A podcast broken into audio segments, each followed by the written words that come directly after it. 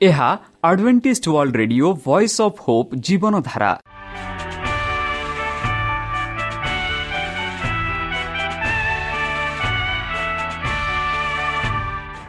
Odia radio କାର୍ଯ୍ୟକ୍ରମ ଯାହା ଆମର ଆନ୍ତର୍ଜାତୀୟ ଆଘାତ କେନ୍ଦ୍ରରୁ ପ୍ରସାରଣ କରାଯାଉଛି ପ୍ରତିଦିନ ରାତି ନଅଟା ତିରିଶ ମିନିଟ୍ରେ।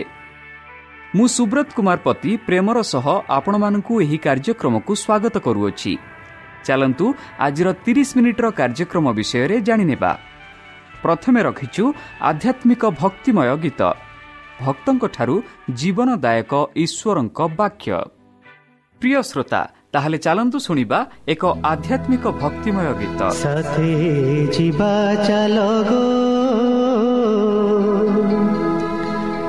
ଯିବା ଚାଲ ବେଥଲେ ବେଥଲି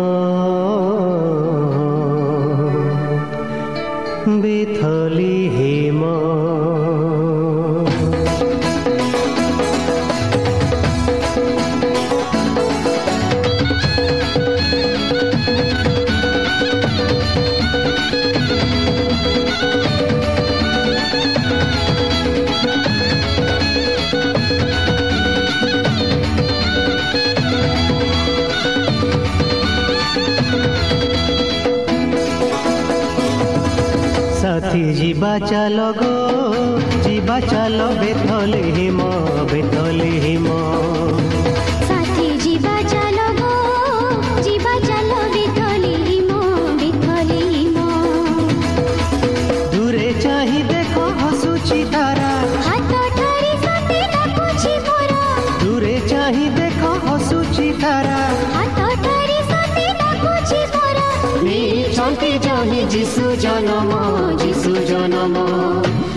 चल बेथल हिमाल हिमा। साथी जी चलमा जीवा चला बेला हिमाल हिमा।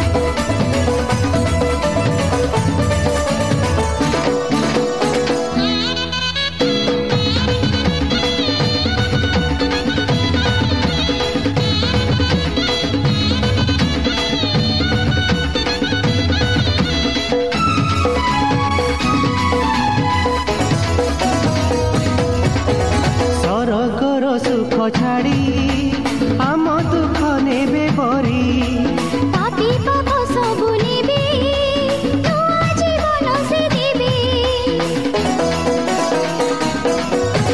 ସରଗର ସୁଖ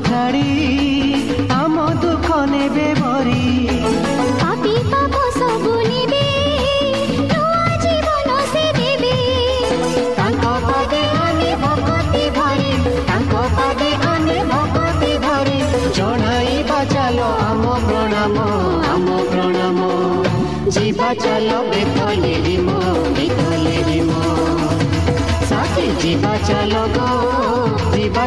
ଗୀତ ଲିମ ବିଥଲି ହିମ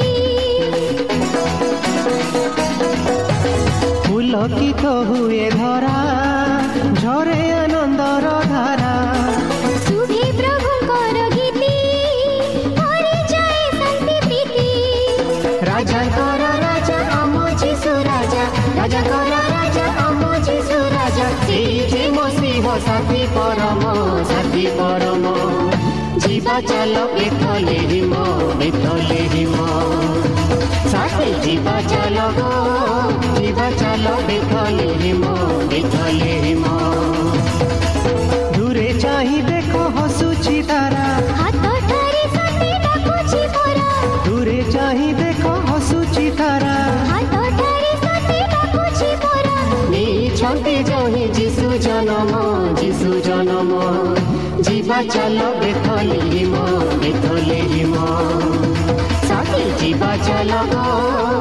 ଯିବା ଚାଲ ବେଥଲେ ହିମ ବେଥଲେ ହିମ ସାଥେ ଯିବା ଚାଲ ଗୋ ଯିବା ଚାଲ ବେଥଲେ ହିମ ବେଥଲେ ହିମ ସାଥେ ଯିବା ଚାଲ ଗୋ ଯିବା ଚାଲ ଆମ ଠିକଣା Adventist Media Centre SDA mission compound Salisbury Park Pune ଚାରି ଏକ ଏକ ଶୂନ ତିନି ସାତ ମହାରାଷ୍ଟ୍ର ବା ଖୋଲନ୍ତୁ ଆମର ୱେବସାଇଟ୍ ଯେକୌଣସି Android phone smartphone desktop laptop କିମ୍ବା ଟ୍ୟାବ୍ଲେଟ୍ ଆମର website W W W dot A W R dot O R G slash O R I ଏବଂ W W W dot Adventist Media Centre India dot O R G Adventist Media Centre ଇଣ୍ଡିଆର spelling ହେଉଛି A D V E N T I S T M E D I A C E N T R E I N D I A ବର୍ତ୍ତମାନ ଚାଲନ୍ତୁ ଶୁଣିବା ଈଶ୍ୱରଙ୍କ ଭକ୍ତଙ୍କଠାରୁ ଈଶ୍ୱରଙ୍କ ଜୀବନଦାୟକ ବାକ୍ୟ। କିଏ ସ୍ୱର୍ଗକୁ ଯିବ? ଭାଗ ଏକ।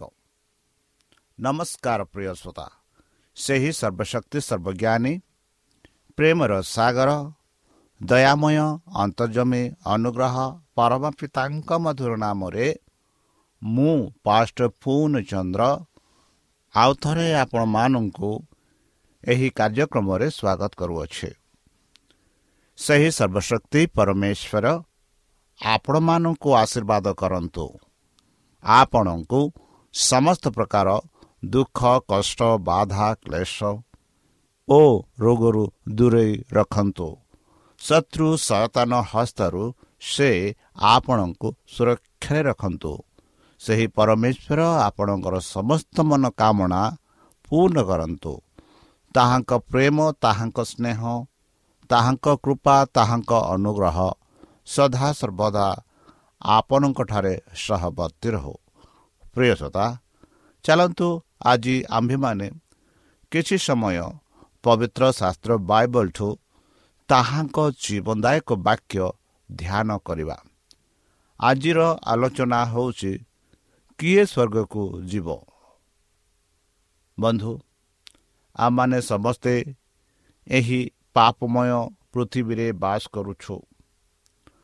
ଆମ ଏହି ପାପମୟ ପୃଥିବୀରେ ପାପମୟ ପରିବେଶରେ ଆମେ ନିଜ ଜୀବନକୁ ଗତି କରାଉଅଛୁ। ଆମ ଆଖପାଖରେ ଆମ ପଡ଼ୋଶୀରେ ଆମ ଗୋଷ୍ଠୀରେ ଆମ ସମାଜରେ ହତ୍ୟାଚାର ବ୍ୟବିଚାର ଭ୍ରଷ୍ଟାଚାର ଅନେକ ପ୍ରକାର ହିଂସା ଚାଲିଅଛି। ଆଉ ଏହି ମଧ୍ୟସ୍ଥରେ ଆମେ ସମସ୍ତେ ବାସ କରୁଅଛୁ। ତାହେଲେ ଅଧିକାଂଶ ସମୟରେ ଆମେ ଏହିପରି ପରି ପ୍ରଶ୍ନ କରିଥାଉ କି ସ୍ୱର୍ଗକୁ କିଏ ଯିବେ? ଯେହେତୁ ଆମ ଯେଉଁ ଦୃଷ୍ଟି ଆମ ଯେଉଁ ଆଲୋଚନା ଆମ ଯେଉଁ ଭାବନା ଆମେ ଦେଖିଥାଉ ଏକ ଧାର୍ମିକ ଜୀବନ ବଞ୍ଚିବା ପାଇଁ ଏକ କଷ୍ଟକର ହୋଇଥାଏ। ବାସ୍ତବରେ ଧାର୍ମିକ ଲୋକେ ସ୍ୱର୍ଗକୁ ଯିବେ ବୋଲି ଆମେ ଜାଣିଅଛୁ।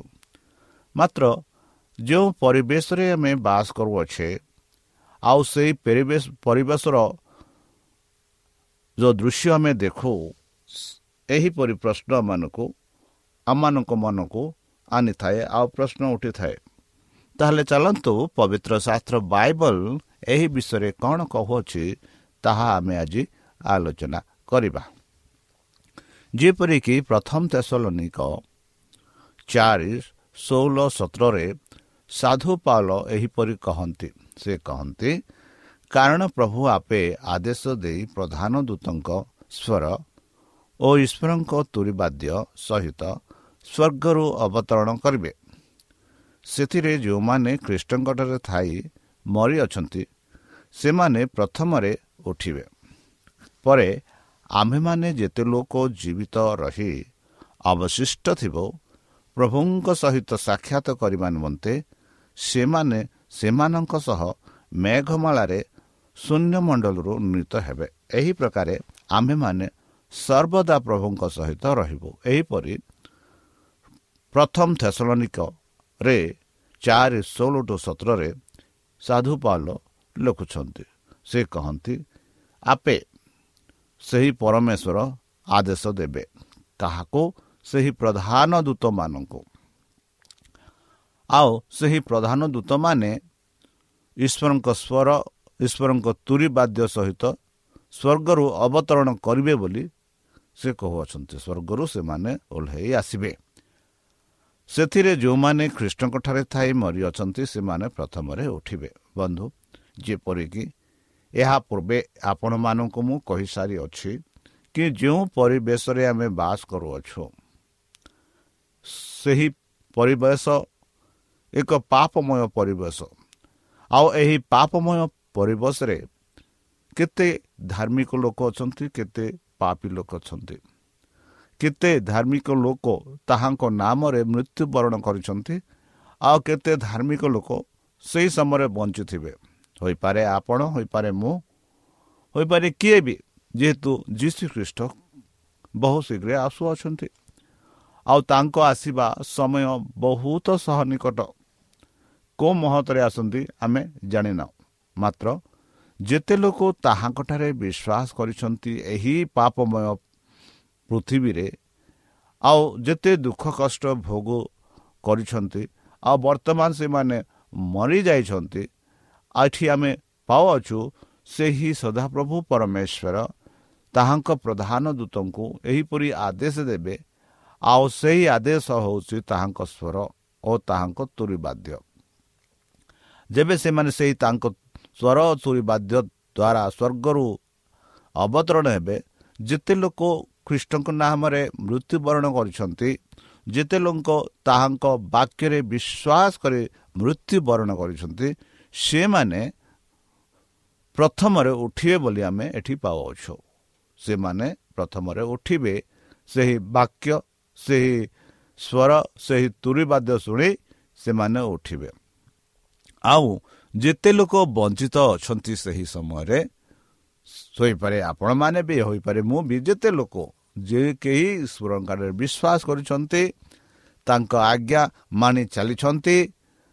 ଆଉ ସେଇମାନେ ସେତେବେଳେ ଯେବେ ଯୀଶୁ ଖ୍ରୀଷ୍ଟ ଆସିବେ ସେତେବେଳେ ଯେତେବେଳେ ସେମାନେ ବଞ୍ଚିଥିବେ ସେମାନେ ମଧ୍ୟ ମିଶି ଉଭୟ ଯେତେ ଲୋକ ପ୍ରଥମ ଥର ସେଇ ମୃତ୍ୟୁରୁ ଉଠିଛନ୍ତି ଆଉ ଯେତେ ଲୋକ ଜୀବିତ ରହିଛନ୍ତି ସମସ୍ତେ ମିଶି ସେହି ସଦାପ୍ରଭୁଙ୍କ ଠାରେ ସେହି ଶୂନ୍ୟ ମଣ୍ଡଳରେ ମିଶି ସେହି ସ୍ୱର୍ଗକୁ ଯିବେ ବୋଲି ଆମେ ପାଉଛୁ ଆଉ ଯେବେ ସ୍ୱର୍ଗକୁ ଯିବେ ସେ ସ୍ୱର୍ଗରେ ସେମାନେ ସଦାସର୍ବଦା ପ୍ରଭୁଙ୍କ ସହ ରହିବେ ବୋଲି ସାଧୁ ପାଉଲ ଥେସଲନିକ ମଣ୍ଡଳୀକୁ ଲେଖୁଛନ୍ତି।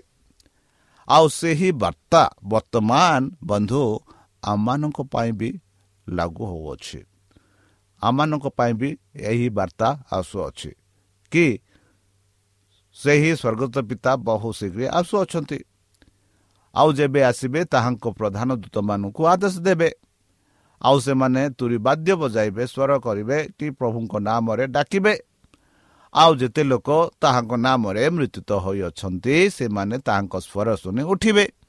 ଆଉ ଯେତେ ଲୋକ ବଞ୍ଚିଅଛନ୍ତି ସେମାନେ ମଧ୍ୟ ମିଶି ସେ ଶୂନ୍ୟ ମଣ୍ଡଳରେ ମିଶି ସେହି ସ୍ୱର୍ଗ ରାଜ୍ୟକୁ ଯିବେ ଆଉ ସେଠା ସେଠାରେ ସଦାସର୍ବଦା ବାସ କରିବେ ବୋଲି ଆମମାନଙ୍କୁ ମଧ୍ୟ ଏହି ବାକ୍ୟ ଆସୁଅଛି। ତାହେଲେ ପ୍ରିୟସତା ଏହା ଆମର କର୍ତ୍ତବ୍ୟ କି ଆମେ ସଦାପ୍ରଭୁଙ୍କୁ ବିଶ୍ୱାସ କରି ଆଗକୁ ଚାଲିବା। ଯେପରିକି ପ୍ରକାଶିତ ଏକୋଇଶ ସତେଇଶରେ ଆମେ ପାଉଅଛୁ କି କୌଣସି ଅସୁଚି ବିଷୟ କିମ୍ବା ଘୃଣ୍ୟ କର୍ମଚାରୀ ଓ ମିଥ୍ୟାଚାରୀ ସେହି କେହି ସେଥିରେ କଦାପି ପ୍ରବେଶ କରିବ ନାହିଁ। କେବଳ ଯେଉଁମାନଙ୍କ ନାମ ମେଷ ଶାବକଙ୍କ ଜୀବନ ପୁସ୍ତକରେ ଲିଖିତ ଅଛି ସେମାନେ ପ୍ରବେଶ କରିବ। ବନ୍ଧୁ ଯେପରି ଏହି ଆଜିର ଆଲୋଚନା ହେଉଛି କିଏ ସ୍ୱର୍ଗକୁ ଯିବେ? ଆଉ ସେ ସ୍ୱର୍ଗ ରାଜ୍ୟ ଯିବାର ଯୋଗ୍ୟ କାହାର? ଏହି ବିଷୟରେ ଆମେ ଆଲୋଚନା କରୁଛୁ।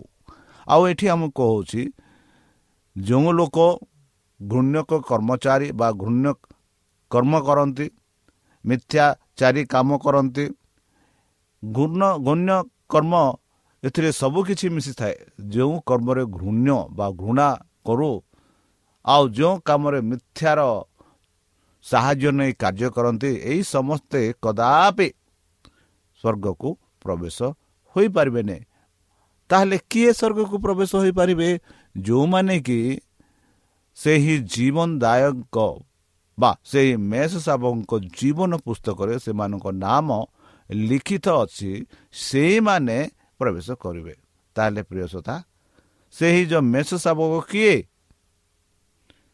ଯାହାଙ୍କ ପୁସ୍ତକରେ ଆମର ନାମ ଥିବ? ବନ୍ଧୁ ଏଠି ଆମେ ସ୍ପଷ୍ଟ ଭାବରେ ଦେଖାଉଛୁ ସେ ମେଷ ଶାବକ ମେଷ ଯୀଶୁ ଖ୍ରୀଷ୍ଟ ଏହି ପୃଥିବୀକୁ ଆସିଲେ ଏହି ପୃଥିବୀରେ ବାସ କଲେ ଆଉ ପରିଶେଷ ମେଷ ସ୍ୱରୂପେ କୃଷରେ ହତ ହେଲେ। ଆଉ ବର୍ତ୍ତମାନ ସେ ସ୍ୱର୍ଗରେ ଅଛନ୍ତି। ଆଉ ସେହି ଯେଉଁ ମେଷ ଶାବକଙ୍କୁ ଯେତେ ଲୋକ ବିଶ୍ୱାସ କରୁଛନ୍ତି ଯେତେ ଲୋକ ତାହାଙ୍କ ବାକ୍ୟ ଅନୁସାରେ ଚାଲୁଛନ୍ତି ଆଉ ଯେହେତୁ ତାଙ୍କ ନାମରେ ବିଶ୍ୱାସ କରୁଛନ୍ତି ତାଙ୍କ ବାକ୍ୟରେ ବିଶ୍ୱାସ କରୁଛନ୍ତି ସେମାନଙ୍କ ନାମ ସେହି ମେଷ ଶାବକଙ୍କ ଜୀବନ ପୁସ୍ତକରେ ଲିଖିତ ହେବ। ଆଉ ସେମାନଙ୍କ ନାମ ଲିଖିତ ହୋଇଅଛି। ଆଉ ସେଇମାନେ ହିଁ ସେହି ସ୍ୱର୍ଗରାଜକୁ ପ୍ରବେଶ କରିବେ ବୋଲି ଆମମାନଙ୍କୁ ଜହନ ପ୍ରକାଶିତ ଏକୋଇଶ ସତେଇଶରେ କହୁଅଛି। ବନ୍ଧୁ କୌଣସି ଘୃଣ୍ୟ କର୍ମକାରୀ ସ୍ୱର୍ଗରାଜକୁ ଯିବେ ନାହିଁ? କି କୌଣସି ମିଥ୍ୟାଚାରୀ ସ୍ୱର୍ଗରାଜକୁ ଯିବେ ନାହିଁ? ବରଂ ଯେଉଁମାନେ ଈଶ୍ୱରଙ୍କ ବାକ୍ୟ ଧାର୍ମିକ ଜୀବନରେ ଚାଲିଛନ୍ତି ଅନ୍ୟମାନଙ୍କୁ ସାହାଯ୍ୟ କରିଛନ୍ତି ଖ୍ରୀଷ୍ଟଙ୍କ ବିଷୟରେ ପ୍ରଚାର କରିଛନ୍ତି ତାହାଙ୍କ ଆଜ୍ଞା ମାନେ ନିଜ ଜୀବନକୁ ପରିଚାଳନା କରିଛନ୍ତି ସେଇମାନେ ସେମାନଙ୍କ ନାମ ସେହି ମେଷ ଶାବକଙ୍କ ଜୀବନ ପୁସ୍ତକରେ ଲିଖିତ ହେବ। ଆଉ ସେଇମାନେ ସେହି ସ୍ୱର୍ଗରାଜକୁ ପ୍ରବେଶ କରିପାରିବେ ବୋଲି ଆମମାନଙ୍କୁ ପ୍ରକାଶିତ ଏକୋଇଶ ସତେଇଶରେ କହୁଅଛି।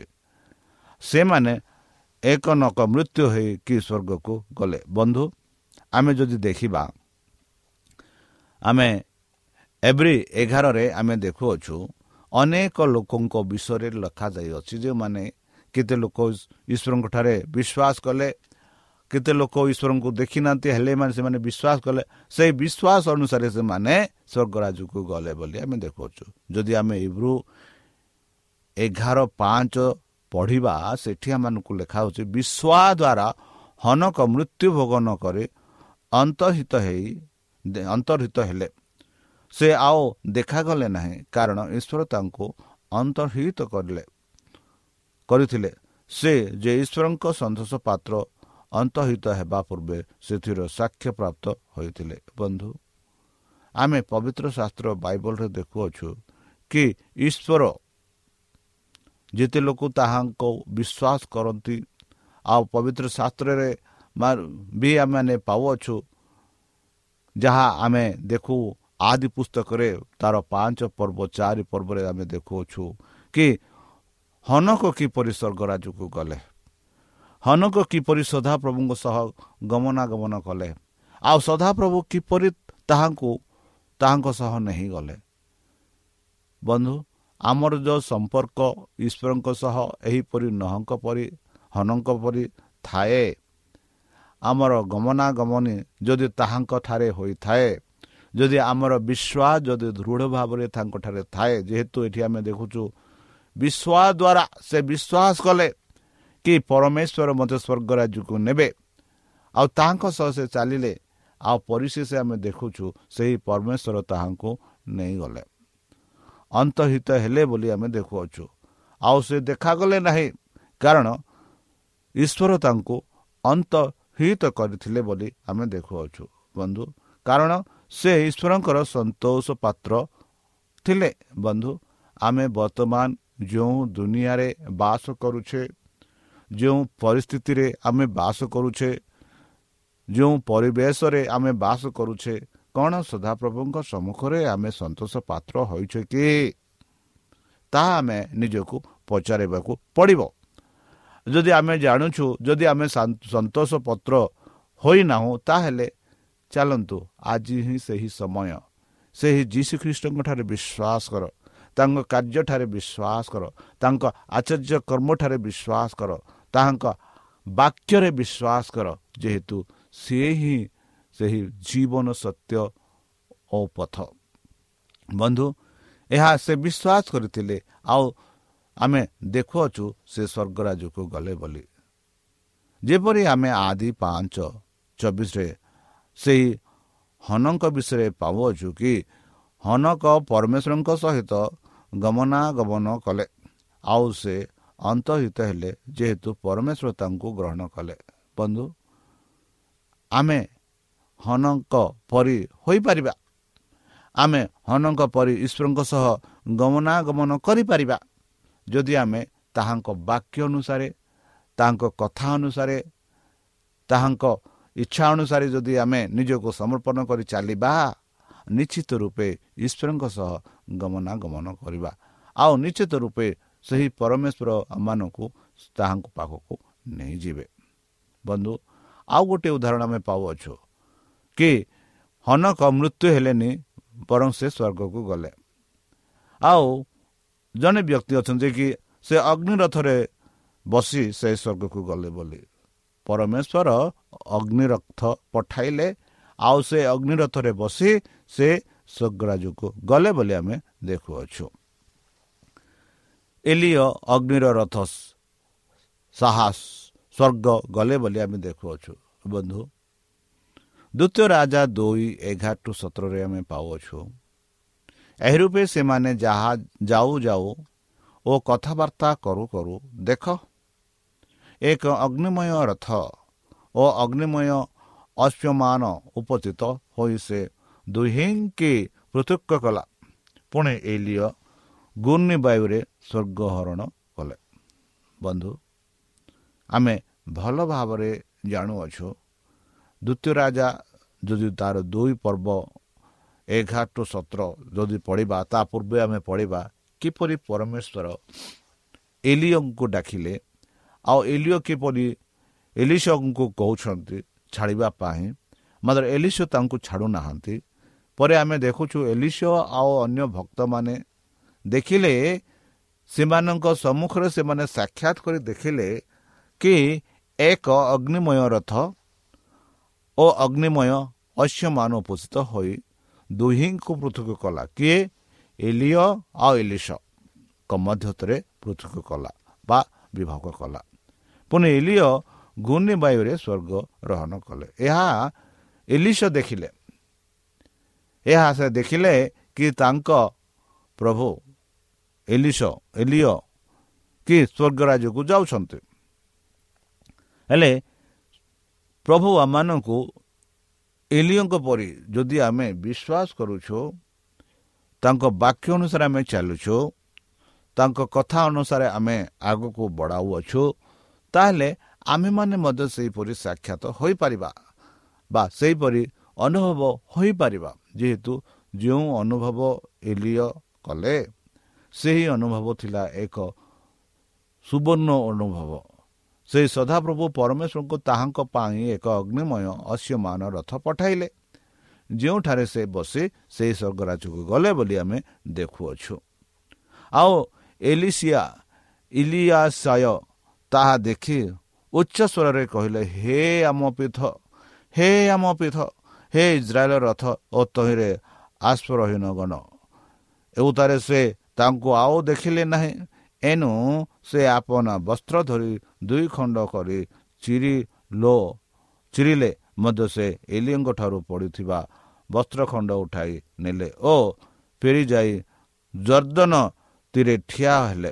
ପୁଣି ସେ ଏଲିଓଙ୍କ ଠାରୁ ପଡ଼ିଥିବା ବସ୍ତ୍ର ନେଇ ଜଲକୁ ଆଘାତ କରି କହିଲେ ସଦାପ୍ରଭୁ ଏଲିଓଙ୍କର ପରମେଶ୍ୱର କାହାନ୍ତି କହନ୍ତି। ପୁଣି ସେ ମଧ୍ୟ ଜଳକୁ ଆଘାତ କରନ୍ତି। ତାହା ଏ ପାଖେ ସେ ପାଖେ ବିଭକ୍ତ ହୋଇଗଲା। ତହିଁରେ ଏଲିସାୟ ପାର ହୋଇଗଲେ। ଆଉ ଜିରିହୋ ନିବାସୀ ଭବିଷ୍ୟତ ଭକ୍ତଗଣର ଯେଉଁ ପୁତ୍ରମାନେ ତାଙ୍କ ସମ୍ମୁଖରେ ଥିଲେ ସେମାନେ ତାଙ୍କୁ ଦେଖି କହିଲେ ଏଲିଓଙ୍କର ଆତ୍ମା ଏଲିସିଆଙ୍କ ଉପରେ ବର୍ତ୍ତିଲା। ତହୁଁ ସେମାନେ ତାଙ୍କୁ ଭେଟିବାକୁ ଆସି ତାଙ୍କ ସମ୍ମୁଖରେ ବିମୁଷ୍ଟ ପ୍ରମାଣ କଲେ। ବନ୍ଧୁ ଆମେ ଦେଖୁଅଛୁ ପରମେଶ୍ୱର କିପରି ଏଲିଓକୁ ନେଲେ। ଆମେ ଦେଖୁଅଛୁ ଏଲିଓ କିପରି ପରମେଶ୍ୱରଙ୍କ ପାଇଁ କାର୍ଯ୍ୟ କଲେ ଇସ୍ରାଏଲ ପ୍ରଜାମାନଙ୍କ ପାଇଁ। ଆଉ ପରମେଶ୍ୱର କିପରି ତାଙ୍କଠାରେ ସନ୍ତୁଷ୍ଟ ହେଲେ। ଆଉ ସେ ପରମେଶ୍ୱରଙ୍କଠାରେ କିପରି ଏଲିୟ ସନ୍ତୁଷ୍ଟ ପତ୍ର ହେଲେ ପାତ୍ର ହେଲେ। ଆଉ ଏଥି କାରଣରୁ ଏଲିୟଙ୍କୁ ସ୍ୱର୍ଗରାଜକୁ ନିଆଗଲା। ତାହେଲେ ପ୍ରିୟସତା ଚାଲନ୍ତୁ। ଆମେ ସେହି ସ୍ୱର୍ଗରାଜ ଯିବା ପାଇଁ ନିଜକୁ ପ୍ରସ୍ତୁତ କରିବା। ଯେପରି ଆମେ ଦେଖିଲୁ ହନକ ସେହି ସ୍ୱର୍ଗରାଜକୁ ଗଲେ ଏଲିଓ ସେହି ସ୍ୱର୍ଗରାଜକୁ ଗଲେ। ଯଦି ଆମେ ସେମାନଙ୍କ ପରି ଯଦି ବିଶ୍ୱାସ କରିବା ସେହିପରି ଆମର ବିଶ୍ୱାସ ପରି ଦୃଢ଼ ଥିବ ତାହେଲେ ନିଶ୍ଚିତ ରୂପେ ଆମମାନେ ମଧ୍ୟ ସେହି ସ୍ୱର୍ଗରାଜକୁ ଯାଇପାରିବା। ତାହେଲେ ଚାଲନ୍ତୁ ନିଜକୁ ସମର୍ପଣ କରି ତାହାଙ୍କ ମଧୁର ନାମରେ ଆମେ ଏକ ଛୋଟ ପ୍ରାର୍ଥନା କରିବା। ହେ ଆମମାନଙ୍କ ସର୍ବଶକ୍ତି ସର୍ବଜ୍ଞାନୀ ପ୍ରେମର ସାଗର ଦୟାମୟ ଅନ୍ତର୍ଜମୀ ଅନୁଗ୍ରହ ପରମ ପିତା। ଧନ୍ୟବାଦ ଅର୍ପଣ କରୁଛୁ ପ୍ରଭୁ ବର୍ତ୍ତମାନ ଯେଉଁ ବାକ୍ୟ ତୁମ ସେ ଭକ୍ତ ଶୁଣାଇଲେ ସେହି ବାକ୍ୟ ଅନୁସାରେ ଏମାନଙ୍କୁ ଚାଲିବା ପାଇଁ ବୁଦ୍ଧିରେ ଜ୍ଞାନରେ ଶକ୍ତିରେ ପରିପୂର୍ଣ୍ଣ କର। ଆମ ପାପ ସବୁ ତୁମ ସେହି ବହୁମୂଲ୍ୟ ରକ୍ତରେ ପରିଷ୍କାର ରୂପେ ଧୋଇ ଦିଅ। ଆଉ ପରିଶେଷ ଯେବେ ତୁମ୍ଭେ ତୁମ ସେହି ସହସ୍ର ଦୂତଙ୍କ ସହ ଆସିବେ ସେତେବେଳେ ଆମମାନଙ୍କୁ ଏକ ବାସସ୍ଥାନ ଦେବ ବୋଲି ପ୍ରାଣକର୍ତ୍ତା ପ୍ରଭୁ ଯୀଶୁଙ୍କ ମଧୁରମୟ ନାମରେ ଏହି ଛୋଟ ବିକ୍ଷମ ଅଛି ଶୁଣି ଗ୍ରହଣ କର। ପ୍ରିୟ ଶ୍ରୋତା ଆମେ ଆଶା କରୁଛୁ ଯେ ଆମର କାର୍ଯ୍ୟକ୍ରମ ଆପଣମାନଙ୍କୁ ପସନ୍ଦ ଲାଗୁଥିବ। ଆପଣଙ୍କର ମତାମତ ଜଣାଇବା ପାଇଁ ଆମର ଏହି ଠିକଣାରେ ଯୋଗାଯୋଗ କରନ୍ତୁ। ଆମ ଠିକଣା Adventist Media Centre SDA mission compound Salisbury Park Pune ଚାରି ଏକ ଏକ ଶୂନ ତିନି ସାତ ମହାରାଷ୍ଟ୍ର।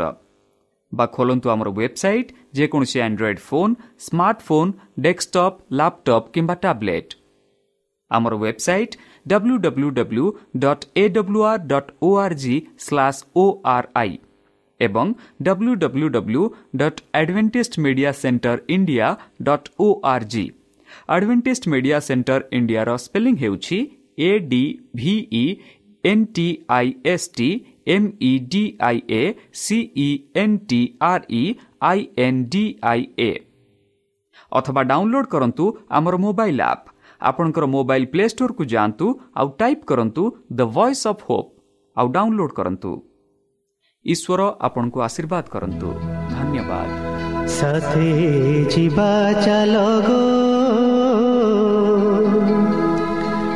ଯିବା ଚାଲ ବେଥଲେ ହିମ ବେଥଲି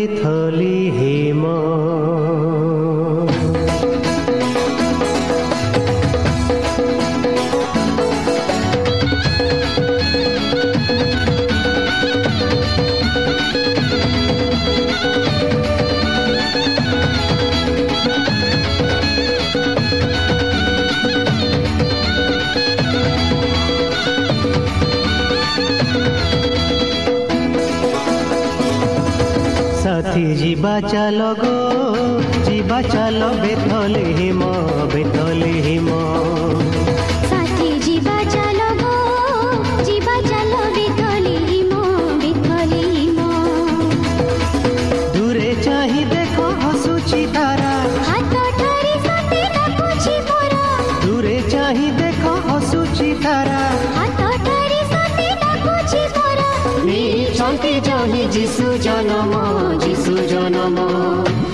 ଯିବା ଚାଲ ବେଥଲେ ହିମ ବେଥଲେ ହିମ ସାଥୀ ଯିବା ଚାଲ ଗୋ ଯିବା ଚାଲ ବେଥଲେ ହିମ ବେଥଲେ ହିମ